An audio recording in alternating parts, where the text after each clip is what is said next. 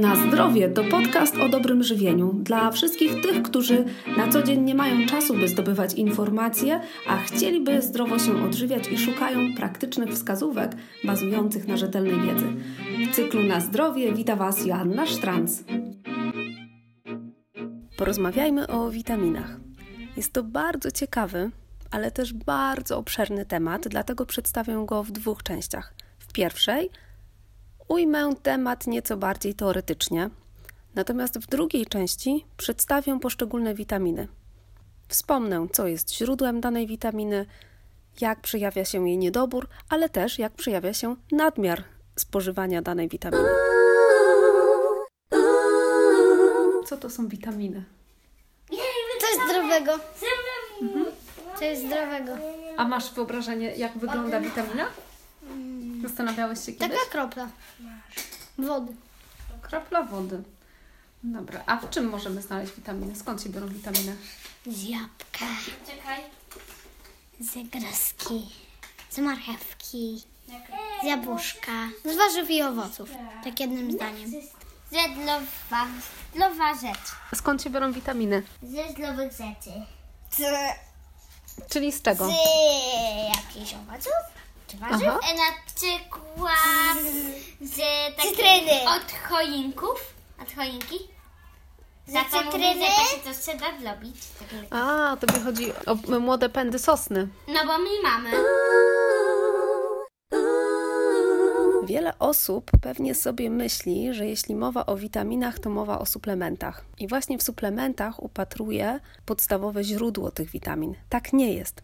Podstawowym źródłem witamin dla człowieka jest pożywienie, które tylko w razie potrzeby może być, czy powinno być wspomagane przez preparaty farmaceutyczne. Niektóre witaminy mogą być syntetyzowane przez drobnoustroje, które stanowią naszą naturalną mikroflorę jelitową.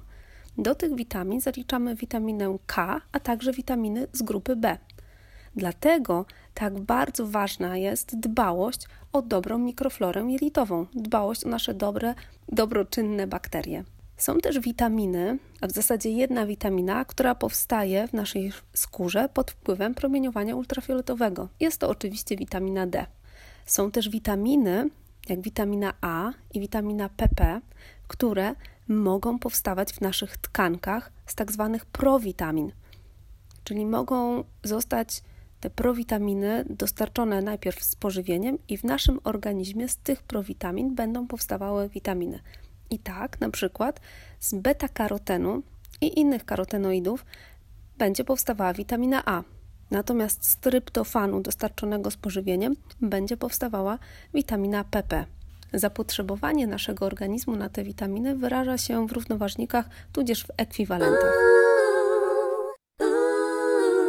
Chcąc dokonać podziału witamin, najczęściej dokonujemy takiego ogólnego podziału na witaminy rozpuszczalne w tłuszczach i na witaminy rozpuszczalne w wodzie. Do witamin rozpuszczalnych w tłuszczach zaliczamy witaminy A, D, E oraz witaminę K, czyli krótko mówiąc ADEK. Witaminy te w naszym organizmie pełnią funkcje regulacyjne. To, co jest ważne, to to, że witaminy te mają zdolność do kumulowania się. Dlatego należy zwrócić uwagę, aby nie doprowadzić do nadmiaru tych witamin w naszym organizmie.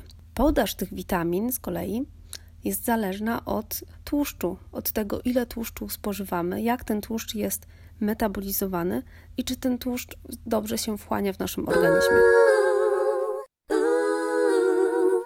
Witaminy rozpuszczalne w wodzie to witamina C, a także witaminy z grupy B, które zawierają azot, witamina B1, B2, B6, B12, witamina PP, biotyna, folacyna, kwas pantotenowy. Co jest ważne, witaminy te działają jak koenzymy. Zapotrzebowanie na te witaminy jest mniej więcej proporcjonalne do naszego zapotrzebowania na energię, do naszego CPM. Witaminy w naszym organizmie mogą występować w formie wolnej, w formie związanej i w formie już wspomnianych wcześniej prowitamin. Tutaj mówiliśmy o, że witamina A powstaje z beta-karotenu i witamina PP powstaje z tryptofanu. Czyli ten tryptofan i beta-karoten stanowią prowitaminy dla witaminy A i PP. Kolejną istotną kwestią dotyczącą witamin jest wartość witaminowa żywności. Taki zwrot, wartość witaminowa żywności, czyli na ile dana żywność jest dla mnie wartościowa pod kątem dostarczania witamin dla mojego organizmu. I tutaj jest siedem czynników, które jakby wpływają na tę wartość witaminową żywności. Pierwszym jest zawartość witaminy w produkcie. Są produkty, które będą bogate w witaminy, i są produkty, które nie będą zawierały zbyt wiele tych witamin.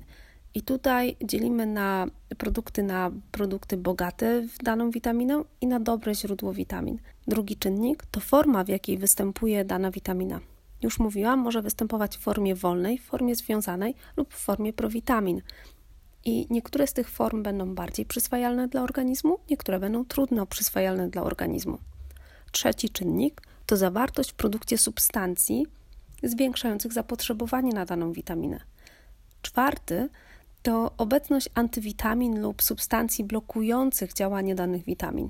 I tu pytanie, czym jest antywitamina? A wiecie, że jest takie coś jak antywitamina? Wiem. I co to jest? To może Kiedyś być... słyszałem takie słowo, ale Co to może być? antywitamina, antywitamina. A to Witamina. coś jest antywitaminą. Antywitamina to jest witamina. Anty, anty, gdzieś słyszałem anty... Czyli prawy witamina? Antywitaminy są to takie związki chemiczne, które w swojej budowie są bardzo podobne do witamin i które mogą też łączyć się czy wchodzić w takie połączenia, za pośrednictwem których witaminy spełniają swoje funkcje w organizmie, ale antywitaminy tych funkcji już spełnić nie mogą. Tylko witaminy mogą spełnić te funkcje. Do takich antywitamin możemy zaliczyć dezoksypirodyksynę, galaktoflawinę i oksytiaminę. Wracając do tych czynników, które wpływają na wartość witaminową żywności, jest y, piątym czynnikiem jest obecność enzymów rozkładających witaminy. I tutaj być może ktoś z Was słyszał, że z takich ciekawostek moje dziecko kiedyś wróciło z przedszkola i mówi: Mamo, mamo, a czy ty wiesz, że nie można łączyć ogórka z pomidorem na jednej kanapce? Ponieważ wtedy nie mamy witaminy C z tej kanapki. Bardzo ciekawa informacja. I tak właśnie jest, ponieważ w ogórkach, ale też w kabaczkach, w cukinii, w patisonach są tak zwane askorbinozy, czyli jest to czynnik utleniający witaminę C, czyli enzym, który będzie rozkładał witaminę C.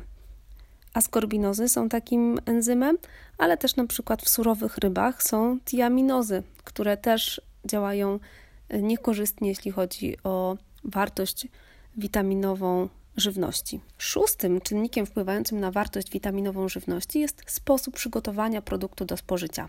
Większość witamin jest wrażliwa na takie czynniki jak temperatura, światło, tlen czy odczyn środowiska, w którym się znajdują. I jakby dochodzi wtedy do strat witamin podczas obróbki technologicznej pod wpływem temperatury, czy na skutek zmiany pH, czy na skutek wystawienia na e, promienie słoneczne. Ale nie zawsze tak musi być i nie zawsze jest tak, że ta obróbka kulinarna będzie nam niszczyła wszystkie witaminy, ponieważ straty tych witamin jakby też zależą od rodzaju obróbki, od sposobu obróbki.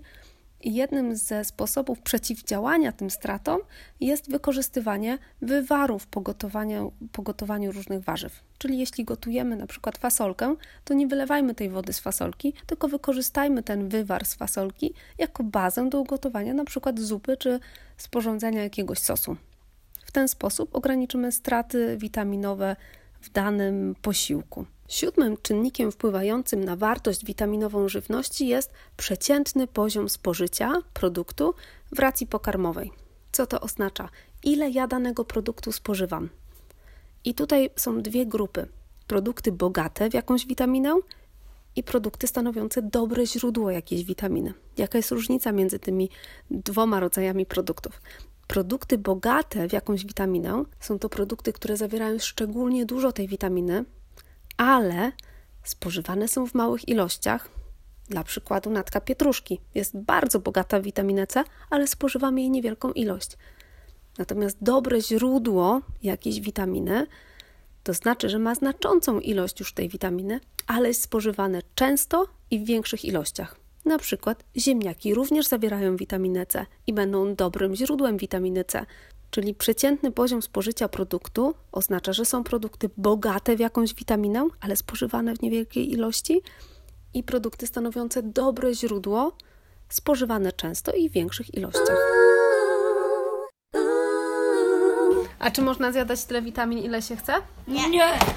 To jeszcze jedno mam pytanie do Was. A skąd wiadomo, że zjadamy odpowiednią ilość tych witamin? Nie za dużo, nie No za bo mało. jest na ulocie a- albo na opakowaniu napisane. I albo na butelce. Mhm. A jak na przykład są witaminy w jabłku, no to na jabłku nie jest napisane. No, To skąd wiadomo? Macie pomysł? Eee, no bo można sprawdzić w internecie. Aha, całkiem dobry pomysł. No, bo, bo no, tak sprawdzić, jakiej są jakości. Mhm. I się tak, na przykład, czy ma takie, jak, na przykład jak jest bardzo jasne, je, czy ciemne bardzo. A można zjadać ty- tyle witamin, ile się chce? Nie. Bo później trzeba dużo pić, żeby je wysikać. Okej. Mówiąc o witaminach, powinniśmy zastanowić się, jakie jest zapotrzebowanie na witaminy. Od czego będzie zależało zapotrzebowanie? Czy moje i Twoje zapotrzebowanie na witaminy będzie takie samo? Otóż nie. Zapotrzebowanie na witaminy zależy od wieku, od rodzaju wykonywanej pracy, od stanu fizjologicznego, od stanu zdrowia, od sposobu żywienia i od klimatu. Jeśli ktoś nie zwraca uwagi na to, co spożywa, w jakich ilościach spożywa, czyli powiedzmy nie odżywia się racjonalnie, może doprowadzić do hipowitaminozy, czyli tak zwanej awitaminozy, kiedy dochodzi do niedoboru witamin, tudzież do hiperwitaminozy, do nadmiaru niektórych witamin. I wówczas, czy to będzie hipowitaminoza, czy hiperwitaminoza, możemy obserwować zmiany czynnościowe w naszym organizmie, zmiany biochemiczne, czy zmiany strukturalne w naszym organizmie. A skąd mamy wiedzieć, że zjedliśmy odpowiednią ilość tych witamin? Zbadać krew. Aby dowiedzieć się, czy podaż witamin w naszej diecie jest adekwatna do tego, ile tych witamin faktycznie nasz organizm potrzebuje, to mamy do dyspozycji trzy metody, którymi możemy to zbadać. Pierwsza to analiza sposobu żywienia, druga to określenie wysycenia organizmu daną witaminą i trzecia to badanie objawów niedoboru lub nadmiaru danej witaminy. O co chodzi pokrótce w każdej z tych metod? Czyli pierwsza z tych metod to analiza sposobu żywienia. Określamy w tej metodzie, ile przeciętnie spożywamy danej witaminy. Robimy to na bazie jadłospisu. Korzystając z tabel przedstawiających wartości odżywcze produktów, spisujemy sobie, ile tych witamin czy tej danej witaminy spożyliśmy w ciągu dnia. To jest z jednej strony, a z drugiej strony sprawdzamy, jakie jest dzienne zapotrzebowanie na daną witaminę w danej grupie ludności. Adekwatnie do wieku, do rodzaju wykonywanej pracy, do stanu fizjologicznego, stanu zdrowia, sposobu żywienia, klimatu, w którym się znajdujemy. Czyli to będzie analiza sposobu żywienia. Patrzę, jaka jest podaż i patrzę, jakie jest zapotrzebowanie. Druga metoda to określenie stanu wysycenia organizmu daną witaminą. Może się okazać tak, że w organizmie, jeśli dochodzi do niedoboru witaminy, następuje zmniejszenie rezerw witaminowych w tkance i zmianie ulega również poziom wydalania danej witaminy z moczem. W celu kontroli zaspokojenia potrzeb witaminowych możemy zbadać poziom wysycenia moczu dobowego lub godzinnego daną witaminą i jakby porównać, jaka jest norma dla zdrowego, zdrowo odżywionej osoby, albo można wykonać też próby z obciążeniem i na przykład ile danej witaminy zostało wydalone z moczem, albo też po jakim czasie dana ilość witaminy została wydalona z moczem. I to będzie istotne przy tym określaniu stanu wysycenia organizmu daną witaminą. Trzecia metoda, czyli badanie objawów niedoboru lub nadmiaru danej witaminy, polega na tym, że najpierw musimy zidentyfikować zmiany w organizmie, zmiany czynnościowe, biochemiczne albo strukturalne. Na bazie tych zmian dobrać odpowiednie testy biochemiczne albo też poprzez diagnostykę, diagnostyczne badania przeanalizować te zmiany w organizmie i na bazie tego określić, czy mamy do czynienia z nadmiarem, czy z niedoborem danej witaminy. thank you